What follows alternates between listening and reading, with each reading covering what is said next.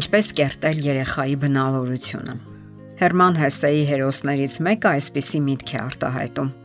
Մեծահասակները սովոր են ձևեր թափել, թե իբր աշխարհը կատարյալ է, եւ իրենք էլ նրա գեղեցկությունները վայելող կիսաստվածներ են, իսկ մենք փոքրիկ տղաներս ոչ այլին չենք, քան պարզապես չարամիտ ստահակներ ու ճիվաղներ։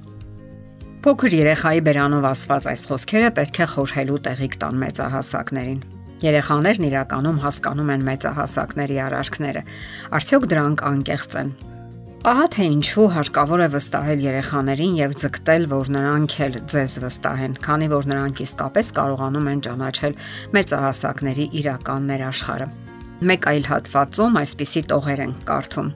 Նրանք բոլորն էլ այդպիսին են մեր երեխաներիս հանդեպ նրանք բոլորն էլ անկեղծ չեն եւ ստում են, ինչ որ դեր են խաղում, այլ կերպարանքով են ներկայանում, ձևացնելով թե ուրիշ են։ Այս խոսքերն իսկապես մտորելու տեղիք են տալիս։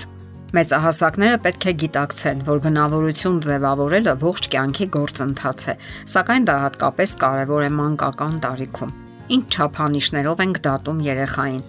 Ինչ ենք հասկանում, օրինակ, երբ ասում ենք երեխան լավն է։ Արդյոք մենք նկատի ունենք նրա լավ շարժու ձևը, արտաքին գրավչությունը, հմայքը, բարի վարքը։ Իհարկե, դա կարող է մեզ վրա տպավորություն գործել, սակայն բնավորություն երևույթը շատ ավելին է, քան միայն արտաքին գրավչությունը։ Հրաշալի անվանելով մարդուն, մենք բացառապես նկատի ենք ունենում նրա արտաքին վարքագիծը, սակայն բնավորությունը բարոյական չափանիշ է, որն իր մեջ ներառում է այնպիսի հասկացություններ, ինչպիսիք են ազնվությունը, ինքնատիրապետումը, հոգատարությունը մարդկանց հանդեպ, հոգեվորությունը, բարոյական իդեալները, խիղճը, սեփական կրքերը կառավարելու ունակությունը։ Հետաքրքիր է, որ բնավորություն բառը ցակել է հին հուներենից, որը նշանակում է տպավորություն։ Եվ այսպես բնավորությունը մարդու չափանիշներն են, որոշակի գծերը կամ առանձնահատկությունները, որոնք բնորոշում են նրա ողջ կենսակերպը եւ տպավորություն են գործում շրջապատի վրա։ Իսկ ահա նորածինը բնավորություն չունի, սակայն նա ունի ներուժ, որի հետ լուրջ աշխատանք պետք է տարվի։ Նա այն հումքն է, որից ծնողը բնավորություն է կերտում։ Այդ պատճառով էլ բնավորության ակտիվ ձևավորումը սկսվում է երեխայի ծննդյան օրից։ Ժամանակի ընթացքում մարդու մոտ զարգանում են տարբեր որակներ, եւ դրանց հանրագումարն էլ կերտում է բնավորությունը։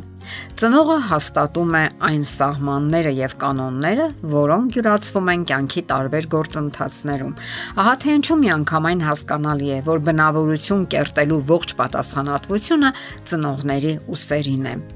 Շատերն արդարանում են ասելով, թե երեխայի վատ բնավորության մեղավորը վատ գեներն են, սակայն այս պատճառաբանությունը ոչ մի քննադատության չի դիմանում։ Եթե երեխան վատ բնավորություն ունի, ծնողները պետք է մեղադրեն կամ իրենց կամ այն միջավայրին, որտեղ դաստիարակվել է երեխան։ Բնավորության ձևավորման պատուղներն անմիջապես չէ որ դրսևորվում են։ Դա է պատճառը, որ շատ հայրեր ու մայրեր հաճախ պատշաճ ուշադրություն չեն դարձնում իրենց երեխայի բնավորության զարգացմանը կամ դրանով զբաղվում են ոչ հետևողականորեն, այլ ինչպես պատահի սակայն անհրաժեշտ է ուշադրություն դարձնել երկարաժամկետ արժեքներին, այլ ոչ թե ժամանակավոր այսրոպեական արդյունքներին։ Կյանքի առաջին տարիներին երեխայի բնավորությունը զարգանում է բավականին բուրըն թափով։ Այդ պատճառով էլ հենց այդ ժամանակ է առավել հեշտ կառավարել այդ գործընթացը։ Հոկեբան Հորեյս Բուշնելը այսպիսի ուշագրավ միտք է արտահայտում։ Թող բոլոր ծնողներն իմանան,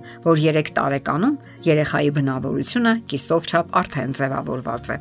Հետազոտությունները ցույց են տալիս, որ 1-ից 5 տարիները երեխայի զարգացման ամենաբուրըն տարիներն են։ Այդ ժամանակ նա ակտիվորեն ուսումնասիրում ու ճանաչում է աշխարհը, ինչպես նաև ձևավորվում է նրա բնավորությունը։ Շատ ծնողներ ենթադրում են, որ այդ ժամանակ հարկավոր է զարգացնել երեխայի մտավոր աշխարհը։ Նրանք ամեն ինչ անում են, որpիսի իրեն ժառանգը փայլի ուրիշների առաջ իր փայլուն ընտունակություններով կամ տաղանդներով։ Երեխային սովորեցնում են օգտվել համակարգչից, սովորեցնում են օտար լեզուներ, նկարչություն կամ մեկ այլ բան, եւ այդ բոլորը 2-3 տարեկանից սկսած։ Այդ բոլորի մեջ իհարկե կա դրական կողմը, սակայն գնդացրի արագությամբ զարգացնելով երեխայի մտավոր ներուժը, կարելի է նաև խեղել նրա բնականon զարգացումը, նրա բնավորությունը։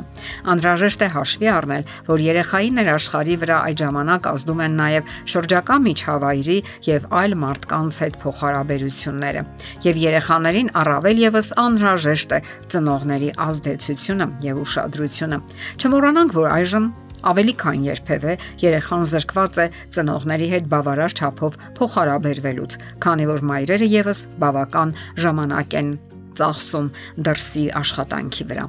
Տնային միջավայրը եւ հատկապես տան խաղաղությունը շատ կարեւոր է երեխայի բնականon զարգացման համար։ Եթե ծնողներն անընդհատ վիճում են, չեն հարգում միմյանց, պայքարում են հեղինակության եւ ազդեցության համար, այդ դեպքում այդ ընտանիքում երեխան ճիշտ չի զարգանա, որքան էլ ծնողները փորձեն թաքցնել այդ իրավիճակը։ Հետևաբար դասերակցության մեջ խիստ կարևոր է, որ ծնողները գնահատեն միմյանց, փոխադարձ սեր ու հարգանք իշխի ընտանիքում։